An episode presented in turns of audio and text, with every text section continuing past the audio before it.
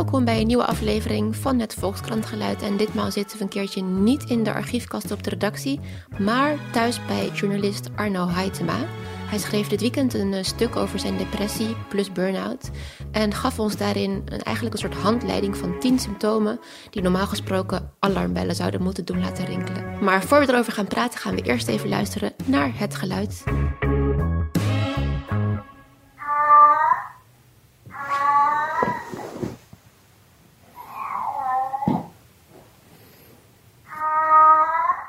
Waarom heb je het geluid van je kat, die nu overigens naast ons ligt en naar ons zit te kijken? Nou ja, kijk, we gaan het hebben over uh, de depressies en de burn-out die ik uh, heb gehad. En op de een of andere manier symboliseert dat geluid wel een beetje hoe ellendig je je kunt voelen als je zoiets hebt. het overkomt je, net zoals die kat, wanneer die miauwt, dat doet hij op, op, op de raarste tijdstippen.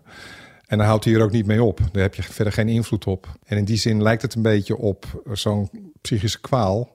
Dat dat overkomt je ook. En dan moet je daarmee om kunnen gaan. En dat is heel erg uh, lastig en, en pijnlijk vaak, zeg maar. En in die zin gaat dat geluid, vind ik ook wel, gaat ook wel door, door merg en been, uh, zeg maar. Ja, het is mooi beeld. Want je kunt het ook, het is ook zo jammerlijk, je kunt het niet uh, negeren. Nee, inderdaad. En het, maar goed, het irriteert, het irriteert ook hoor, moet ik zeggen. Het is niet zo dat ik dan meteen, dat ik vol schiet van, van nadigheid. maar het is wel on, ja, niet te negeren, is het, zeg maar. Hè? Het, is, het gaat echt, ja, het gaat om merg en been. En het is niet aangenaam. Uh, en in die zin uh, nou ja, klopt dat een beetje bij uh, die psychische mm. problemen, zeg maar. Mm. ja. En voor hem, hoe heet hij eigenlijk? Hij heet Mido. Mido, voor hem wil je natuurlijk lief zijn, maar voor je depressie niet, of nee, wel? nou ja, kijk, het is niet, dat is niet eenduidig. Ik, ik heb depressies al eigenlijk zolang ik leef, denk ik. Ja? Dat, weet je, dat weet je niet precies. Tenminste, ik weet niet anders het is niet zomaar op één dag gekomen toen ik een bepaalde leeftijd had. Het is iets wat ook heel erg met je persoonlijkheid vergroeid is. Mm. Dus het is ook niet zo dat je zegt van nou, als er nou een pilletje is en dat slik ik één keer en dan ben ik er voor altijd vanaf, dat ik dat dan uh, meteen zou slikken. Want dat is het toch ook het gekke. Het hoort bij je. Uh, bij je persoonlijkheid eigenlijk ook zoiets. Dus, je bent ermee vergroeid. Ja, ja. Of dat, je, je bent het misschien zelfs wel. Ja, zeker. En er zitten ook goede kanten aan. Aan een depressie of aan... Ja, aan, aan depressie. Er zitten heel veel, hè, heel veel lastige kanten aan. Je, je, kan eigenlijk niet werken als je het behoorlijk hebt. En je bent lusteloos en in eten smaak je niet. En uh, nou, zo kan ik de hele tijd, je voelt je somber. Zo zijn een heleboel dingen. Maar je bent ook op een manier gevoelig die bij creatief, in, uh, in creatieve periode helpt. Hè, ik schrijf voor Is de dat in het algemeen zo of is ja. dat in jouw nou, geval dat weet, zo? dat weet ik niet. Ik, ik denk dat ik hoor dat wel vaker van mensen die, die zelf vergelijkbare problemen hebben. Dat, dat ze een beetje hetzelfde zeggen. Van aan de ene kant is het heel ellendig om het te hebben, maar er zit ook iets. Er zit ook een soort creatieve kant aan. Die op het moment dat je heel depressief bent, wat, heb je daar niet veel aan. Mm -hmm. Omdat je net niet echt in staat bent om iets te, te scheppen, om het zo maar te zeggen. Maar op het moment dat het beter gaat, heb je toch een soort gevoeligheid die, um, die je ook nodig hebt als je bijvoorbeeld ja, literair wilt schrijven of uh, anderszins uh, creatief uh, bent met muziek of, of wat dan ook. En het is die fijngevoeligheid dus waar je ook aan leidt als je een depressie ja, hebt. overgevoeligheid. Over... Dus, ja, het is overgevoeligheid. Denk je dat het daar ook door komt, een depressie? Nee, dus het is een, meng, een mengsel van dingen. Net zoals als, als creativiteit dat ook is en allerlei karaktertrekken. Ja. Denk ik dat je, ja, dat, dat, dat je daar eigenlijk mee geboren wordt. Je had tien symptomen beschreven die bij jou eigenlijk altijd de alarmbellen doen rinkelen of zouden Ja. moeten doen rinkelen. Ja. Zijn die ook in oplopende volgorde? Nee, dat niet. Nee, Gewoon, vrij eh, willekeurige volgorde. Wat, ik, wat mij bijvoorbeeld altijd opvalt, een van mijn eerste symptomen, dat is, ook het eerste wel wat ik in dat, in dat uh, verhaal heb genoemd, is dat mijn, mijn klok, mijn biologische klok, verstoord raakt. Alsof je een soort jetlag hebt. Daar kan je het best een beetje mee vergelijken. Uh, ik word midden in de, in de nacht wakker en dan ben ik echt klaar wakker. En denk van, nou, ik ga opstaan. Dat heb ik in het begin ook, doe ik dat dan ook wel. Uh, en dan kan je heel veel energie hebben. En aan het einde van de dag stort je dan echt letterlijk in. En dan, maar ja, dan ga je toch een beetje op de bank liggen of zo. Want je wil daar niet aan toegeven. Maar ja, dan slaap je toch een groot deel van de avond. En dan ga je, ga je weer naar bed. En dan word je weer midden in de nacht wakker. En zeg maar, dus je krijgt een hele verstoring van, van je slaap- en waakritme. En ook van je uh, uh, voorraad, om het zo maar te zeggen. Je hebt energie wanneer je het niet nodig hebt. En op momenten dat je eigenlijk nog gewoon ehm, aan het sociale leven wilt deelnemen of je werk goed wilt afmaken, dan ben je het, dan ben je het kwijt, zeg maar. Dus dat is wel een heel belangrijk verschijnsel dat ik merk van hier klopt iets niet. Mhm. Dus dat is wel echt een psychisch iets. Het begint ermee dat er in je hoofd iets uh, fout gaat. Er knaagt iets of je maakt je zorgen of je hebt te veel spanning of zoiets, Ja. waardoor je wakker ligt of... Ja, nou ja, soms is er een hele concrete aanleiding voor. Hè. Ik heb een paar sterfgevallen meegemaakt die dan, eh, nou ja, die natuurlijk sowieso bij iedereen eh, erin hakken. Mhm. En wat je dan vaak krijgt, is dat je, omdat je niet meer, gaat, niet meer kunt, de slaap kunt vatten, eh, dat je dan overdreven veel gaat piekeren over, Ja. eh, over dingen. Echt gaat malen de hele tijd over dezelfde dingen. En ook over, het hoeft niet altijd hele sombere dingen te zijn. Het kunnen ook gewoon kwesties zijn die op je werk spelen. En die ook gewoon, nou ja, je, als je nou over aan een verhaal werkt, dan ga je daarover nadenken. Alleen op een gegeven moment heb je dan door dat je eigenlijk urenlang over hetzelfde denkt. Terwijl waarom zou je dat doen midden in de nacht als je ook overdag gewoon alleen overdag voor je werk betaald krijgt? Dat is helemaal niet efficiënt. Nee. Dan kun je nooit tegen jezelf zeggen na vijf minuten stop. Nee, nee, nee, dat gaat niet. Want wat gebeurt er dan als je dat wel doet? Dan neemt de rest door. het over van Ja. dat doen we niet. Je kan die gedachten niet, eh, niet stoppen of niet wegduwen. Wel een beetje soms, maar ehm, eh, in de regel werkt dat niet. Dat overkomt je eigenlijk. eh, dus daar moet Dat je. spoelt echt over je heen. Ja, ja. Denk je dat die tien symptomen die je opnoemde, dat die een soort goed algemeen beeld vormen van, nou, in ieder geval een depressie dus, maar je, je hebt de burn-out er even bijgenomen. Ja, maar, ja. Of denk je dat het meer een persoonlijk eh beeld Nou, ik is? denk wat die, die, die verschijnselen die ik, eh, die ik opnoem eh, in, dat, in dat verhaal, dus hè, nou, ik heb, ik heb er al een aantal genoemd, die, die komen wel in al- allerlei boeken over depressie en, en burn-out ja, ook zoals wel. je ook schreef, Ja. voorbeeldig. Ja, ja, komen ze allemaal, komen ze allemaal Ja. voor. Alleen, kijk, sommige mensen zullen weer hele andere klachten hebben. Je hoort bijvoorbeeld ook vaak mensen die enorm veel gaan eten. Eh, andere mensen die helemaal geen Ja. eetlust meer hebben. Of anderen die daar eigenlijk helemaal geen last van hebben. En zo zijn er heel veel varianten. En eh, kijk, er zijn natuurlijk ook heel veel mensen suicidaal die, eh, die zware depressies hebben. En wat is dan echt de gemiddelde gemene deler? Of echt de, de kern van een depressie? Wat heeft iedereen? Nou, ik, ik, ben, ik moet altijd terughoudend zijn daarmee, omdat ik natuurlijk geen, geen deskundige Nee. ben. Hè? Ervaringsdeskundige. Ja, dat, dat wel. Ik denk dat dat eigenlijk ehm nou, gevoel van uitzichtloosheid is op, op, eh, op een bepaald moment. Dat je zo in de put zit, een soort wanhoop, eh, die eigenlijk helemaal niet, die niet te verklaren is. Tenminste, weet je, iedereen heeft, maakt verdrietige dingen mee. Ja, bij dus die het sterfgevallen die, als je, die je net Ja. noemde, dan is het geen depressie, maar dan is het gewoon is, verdriet, eh, rouw. rouw. Ja, precies. En het kenmerk van, van depressie vind ik in ieder geval, en ik denk dat dat heel vaak in meer of mindere mate geldt, is dat je eh, ontzettend uitzichtloos, ja, gevoel van uitzichtloosheid hebt, terwijl dat eigenlijk niet echt te koppelen is aan de omstandigheden waar je in verkeert. Dus je maakt je extreem druk over een ruzietje wat je hebt gehad. Of nou ja, een reëel probleem. Ja, Iedereen heeft altijd wel een probleem. Alleen je, kan, je, je hebt geen enkel relativeringsvermogen daar, daarin. Je kunt er niet mee omgaan. Nee, en ik denk dat dat eigenlijk voor iedereen wel die hè, somberheid, eh, melancholie is natuurlijk Mhm. zwartgalligheid. Hè, daar, eh, dat, is, dat is wel een, een basiskenmerk. Eh, en dat gekoppeld aan het uitzichtloze daarvan. Eh, ik denk dat dat voor eigenlijk voor iedereen wel geldt die, eh, die depressie heeft. Best wel een heel eh, persoonlijk stuk heb je geschreven. Vond je dat niet moeilijk? Nee, helemaal niet. Nee? nee. Waarom Nee. niet? Nou ja, wat heb ik daarmee te verliezen? Kijk, ik weet dat toen ik een jaar of 33 was of zo, toen kwam er eigenlijk, voor die tijd was er helemaal niet zoveel literatuur over depressie en zo. Het zal ongetwijfeld wel bestaan hebben. Mm. Het was een medisch omschreven iets. Maar het was niet zo dat daar nou heel veel boeken over te vinden waren. Oh nee? En ik heb er destijds heel veel aan gehad toen er bepaalde boeken kwamen die eh, eh, gewoon geschreven voor mensen die dat zelf hebben, wat dat eigenlijk is. Want daardoor herkende ik van, oh, dus dat is niet zo uitzonderlijk dat ik dat heb. Er zijn meer mensen die dat hebben en het is ook wetenschappelijk onderzocht. En dat is eigenlijk een ontzettende opluchting als je niet weet wat je overkomt.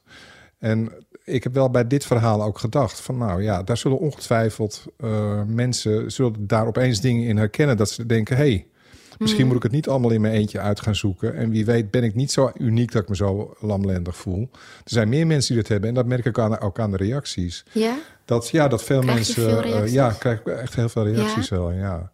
Wat is de teneur daarvan? Een beetje? Nou ja, inderdaad ook. Ja, weet je wel, dat het moedig is en dat ik daar zo eerlijk in ben. Maar nogmaals, ik ervaar het helemaal niet als moedig. Want het is, ja, weet je, als je je been breekt, heeft eigenlijk ook niemand er moeite mee om te vertellen uh, hoe pijn dat doet. En, uh, ja, maar het binnenste van je been is toch iets minder persoonlijk dan het binnenste van je hoofd. Ja, maar wat kan me overkomen? In, he, we, we, uh, ja, ehm, blootgeven. Ja, en? Ja. Nou, dan zouden mensen me belachelijk kunnen maken. Nou, daar sta ik wel mm. boven. nee, kijk, dat is gewoon toch wel het punt bij psychische kwalen. Ik heb dat nooit zo goed begrepen waarom ehm, mensen daar uh, geheimzinnig over zouden moeten doen. Ik zeg ook niet dat iedereen maar met zijn zielenleven uh, te koop moet lopen of zo. Maar ik, ik zelf heb er eigenlijk, ja, ik schaam me er op geen enkele manier voor dat ik dit heb. Ik vind het, vind het heel jammer.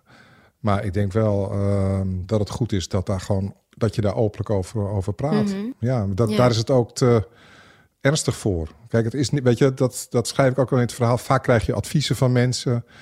Uh, van joh, je moet gewoon wat meer naar buiten gaan als de zon schijnt. En uh, je, ga een weekje op vakantie. Heb ik toevallig net gedaan trouwens. Maar goed, dat is niet. Maar dat weet je, dat zijn vaak heel. Uh, of zorg dat je een goed ritme hebt en dan komt de slaap vanzelf. Nou, dat zijn allemaal symptomen die eigenlijk voortkomen uit, wel uit bezorgdheid, of niet symptomen, maar het zijn opmerkingen die, die voortkomen uit bezorgdheid, maar ook uit onwetendheid, omdat daarmee eigenlijk ontkend wordt dat het een vrij ernstige hmm. ziekte kan zijn.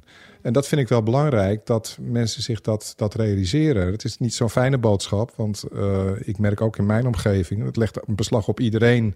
Het is niet niks, maar Um, het is toch belangrijk dat mensen zich dat, dat wel realiseren. Dat het een, uh, ja, echt een serieuze, een dus serieuze Dat is ook de reden waarom je dit geschreven hebt. Dat je, dat, je schrijft ook ergens dat je het zo erg vindt dat het onbegrip er is. Van je vrienden, familie. Nou, nou ja, dat, is... Uh, uh, kijk, wij hebben familie en zo, die weten dat zo langzamerhand wel. Maar uh, heel vaak gaan mensen jarenlang door met denken dat ze het kunnen oplossen voor zichzelf. Terwijl ja, er zijn toch echt wel manieren om er om in ieder geval geholpen te worden om er doorheen te komen. Hè? Er zijn natuurlijk wel allerlei manieren om, om zo'n depressie lichter te maken, of minder zwaar in ieder mhm. geval. En dan is het, vind ik, heel treurig als mensen soms jarenlang op en af met, met zulke klachten te maken hebben, zonder dat ze er wat aan doen. En naarmate er makkelijker over gepraat wordt, en, en waarom niet, nogmaals, denk ik dat de kans dat mensen hulp uh, zoeken, op wat voor manier dan ook, uh, groter Omdat ze herkennen, van dit heb ik ook. Ja, Bijvoorbeeld alleen zo, zoiets simpels te al. Kijk, want het is best, het is niet zo simpel om, als het lijkt om, om het te herkennen. Want ik merk ook iedere keer, als ik, hè, ik heb een aantal depressies gehad. Uh, iedere keer manifesteert het zich net weer anders. Waardoor je mm. toch eigenlijk weer altijd te laat bent. Je blijft misschien ook steeds tegen jezelf zeggen, nou, het valt wel ah, mee. Nu, nu weet ik het wel. Ik heb nou zo vaak gehad, nou weet ik wel hoe ik er overheen moet komen. En dat werkt dan ook wel een beetje. Mhm. Maar ondertussen gebeurt er dan iets. Bijvoorbeeld, ik heb vorig jaar, uh, nou, of de anderhalf jaar geleden, best een lastige tijd gehad. En toen heb ik ook burn-out verschijnselen gekregen. Nou, burn-out. Bovenop de depressie. Nou, dat, dat vind ik heel lastig. Om, toen had ik, ja, nou ja, het hing een beetje samen met elkaar. Maar ik werkte wel gewoon. Mhm. En op een gegeven moment had ik wel door dat dat, dat, dat echt niet meer kon. Dus toen heb ik me ook wel ziek geweld. Maar je, hebt natuurlijk ook vaak mensen die op zo'n moment doordraaien. Met iedereen ruzie krijgen op hun werk. Soms zeggen van tegen hun baas van eh, de groet, ik neem ontslag. Dat je, allemaal hele drastische eh, besluiten nemen die ze in, in normale omstandigheden, ja, uh, die ze in normale omstandigheden helemaal nooit zouden nemen. Maar dan opeens ja, zich tijdelijk heel krachtig voelen of daadkrachtig voelen. En uh, nou ja, is dat ook weer die andere kant van wat je net beschreef? Dus juist wel heel veel energie hebben, soort bijna manisch? Ja, maar dat, dat is natuurlijk wel weer wat anders. Hè? Manisch depressief, uh, zeg maar. Maar die kanten herken ik soms ook wel. Dat je, uh, dat je zo het gevoel hebt van, nou, ik, ben zo, ik heb zoveel energie... van ik kan nog wel een hele nacht doorwerken of opblijven. Of, mm. En dat is, kan, voor een tijdje kan dat ook. Omdat ook je hormoonhuishouding, denk ik verstoord is. Dus je kan, eh, je hebt het gevoel dat je zo onder de cocaïne zit of zo een tijdje. En, uh, maar op een gegeven moment gaat dat natuurlijk fout. En in, in, die periode gebeuren er denk ik ook veel ongelukken. Het zij op je werk, maar ook mensen die zichzelf dan ja, wat aandoen of anderen wat mhm. aandoen. Ik bedoel, dat zijn natuurlijk wel de extreme gevallen. Maar dat zijn wel labiele periodes die, die best riskant kunnen zijn. Mhm. Dus is het belangrijk dat mensen uh, nou ja, weet je, het zou fijn zijn als je dat van jezelf herkent, maar dat is wel heel erg moeilijk.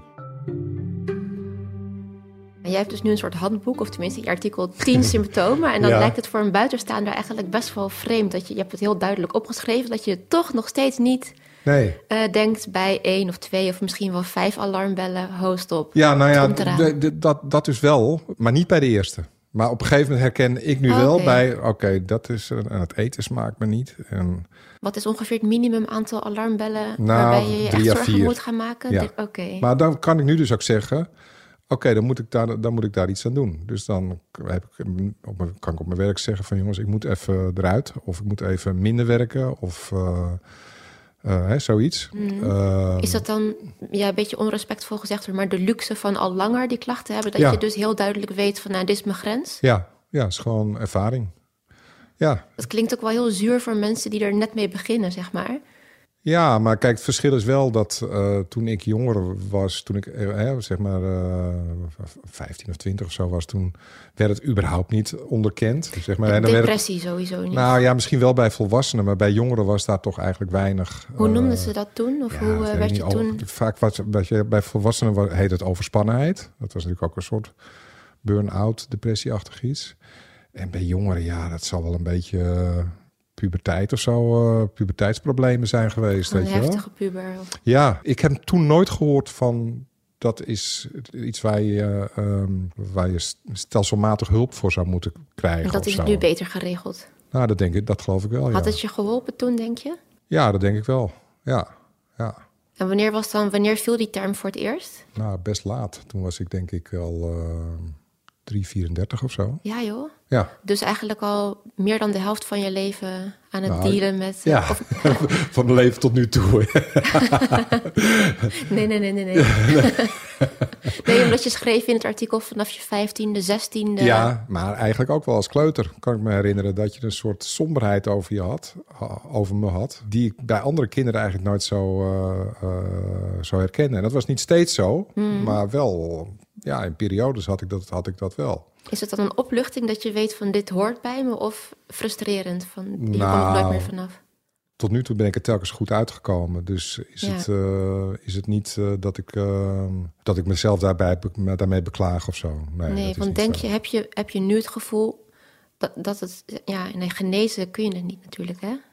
Nee, nou ja, toevallig had ik vandaag nog contact met iemand die, eh, die pillen slikt. En eh, daar, daar ken ik meer mensen van. Die, eh, en dat gaat, heel, goed, die, die, dat gaat prima. Die pillen, hè, die antidepressiva, die hebben wel de neiging dat je iets vlakker ervan wordt, zeg maar, hè, me- mentaal. Maar heel veel mensen behoeten toch voor die enorme inzinkingen. Ja, jij slikt ze zelf Nee. niet, begrijp ik dus. Nee. Is dat, waarom niet? Nou, een hele, hele praktische reden is dat ik. ze hebben heel veel bijwerkingen. En één bijwerking is dat je speeksel ehm, samenstelling verandert. En dat leidt er bij mij toe dat ik verschrikkelijke pijn aan mijn tanden krijg. Alsof Ach. de glazuurlaag eraf spat. Dus Met alle dat, antidepressiva. ja, ja, tenminste alles wat ik tot nu toe geslikt heb. Dat is een heel raar verschijnsel. Bizar, dat zou toch zoiets specifieks moeten zijn... dat Ja. ze daar dan ook weer een pilletje voor Ja, hebben? dat of zou je zeggen. Maar tot nu toe, ik moet zeggen, de laatste keer dat ik dat geprobeerd heb, viel me dat zo zwaar dat ik ben Nou. echt mee gestopt. Maar goed, ik heb het wel ervaren. Ik was, het was bij mij nooit zo succesvol, moet ik zeggen. Maar er zijn Nee. heel veel mensen die daar heel veel baat bij hebben. Ja, ja, ja. Jij schreef dus in jouw stuk, daar ben ik eigenlijk wel heel benieuwd naar. Er was één eh, psycholoog, volgens Ja. mij of psychiater, nee, Psycholoog, psycholoog, hè? ja. Huip ter Haar, Ja. die wonderen verricht heeft. Die, eh, Ja. die heeft eigenlijk de grootste effecten geboekt bij jou. Wat zei Ja, hij precies? hij was eh, psycholoog bij de Wateringsstichting. Dat was een, is nog steeds volgens mij een, eh, een, een bureau voor beroepskeuzeadvies. Oh, Ehm, en daar werkte hij als psycholoog. En dan werd je een hele dag. Ik was toen, nou, toen had ik een soort depressie, 15, 16. Ik was blijven zitten op de middelbare school in de derde klas. Dus ik moest daar nog, daarna nog de vierde, vijfde, zesde, dus nog vier jaar te gaan. En ik wist echt niet hoe ik dat, dat kon ik niet overzien. En ik kwam nou bij dat Watering Instituut. En dan moet je wat, eh, wat, wat testjes doen natuurlijk de hele dag door. Maar ook een aantal gesprekken met die psycholoog. Wat echt een hele bijzondere man was. Die je op een of andere manier boven je eigen ehm, moeras kon hoe Eh, dan? Hij kon, hij kon je een soort perspectief bieden. Want ik had toen echt ook geen idee wat ik met... Nou ja, kijk, als je de middelbare school niet ziet zitten... dat heeft natuurlijk ook heel erg mee te maken... dat je niet weet wat je, daar, wat je daarmee moet met zo'n diploma. Hè? Mhm.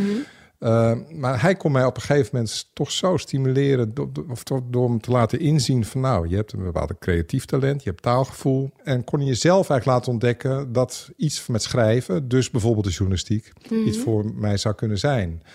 En uh, je hoort al best vaak hele negatieve dingen over uh, beroepskeuze, adviesbureaus. Maar ik, ik, ben echt wel, wat dat betreft, het, het tegendeel van uh, alle negatieve opvattingen erover. Want sinds mijn zestiende weet ik dus eigenlijk dat ik journalist wil worden. Ja. En dat ben ik ook geworden. En dat, met dat beroep ben ik, uh, ben ik heel gelukkig. Grappig. Maar dat heeft er toch mee te maken dat iemand door je heen kan kijken en, uh, en je perspectief kan bieden. En dat is natuurlijk wat je in zulke omstandigheden heel erg nodig hebt.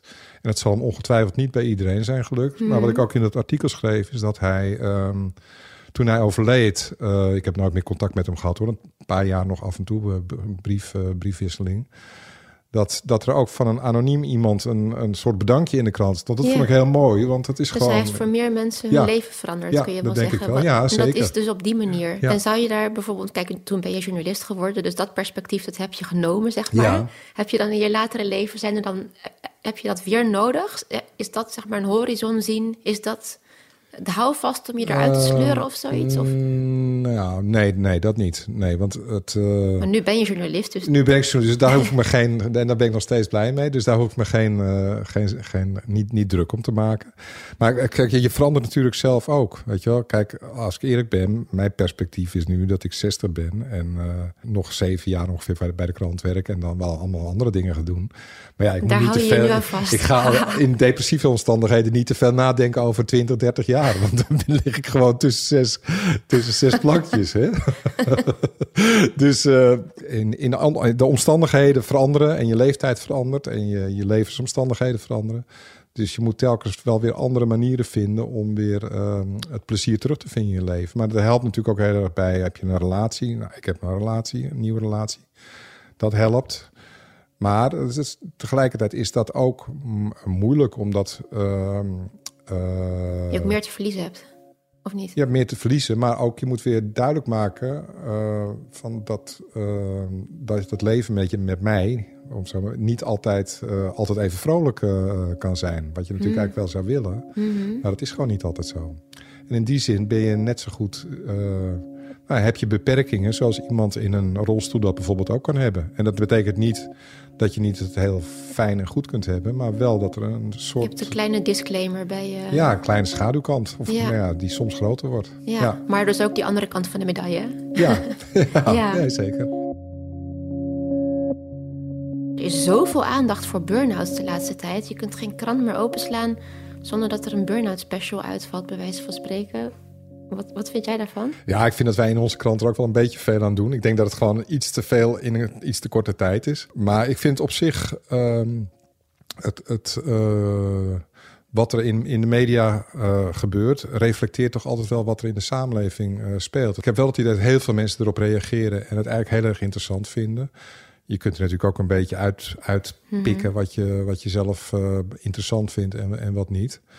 Maar het is wel uh, een verschijnsel wat, uh, nou ja, wat wel om zich heen grijpt, heb ik het idee. Mm -hmm. En voor een deel is het een beetje modieus, maar tegelijkertijd vind ik het ook niet iets om lacherig over te doen als iemand zegt dat hij burn-out-achtige klachten heeft. Want mm -hmm.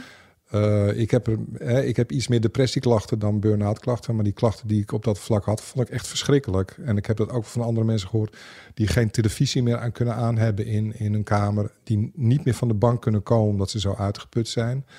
Nou, dat zijn hele uh, ja, serieuze, ernstige verschijnselen ja. waarvan je maar moet hopen dat dat overgaat. Dus, dus in die zin, nu is het misschien een beetje veel, maar het, um, uh, het kan ook geen kwaad. Want ja, het doet ook wat je net in het begin ook al zei, van uh, ruim baan maken voor dat het geen taboe is. Dat ja. het niet erger is, dat mensen zich kunnen herkennen. Zeker, ja. ja. Weet je, je hebt altijd natuurlijk een beetje mensen die een soort stoerheid willen uh, uitstralen. Van dat overkomt mij niet. En als je een beetje je gezond verstand gebruikt, dan komt, het allemaal wel, komt het allemaal vanzelf goed.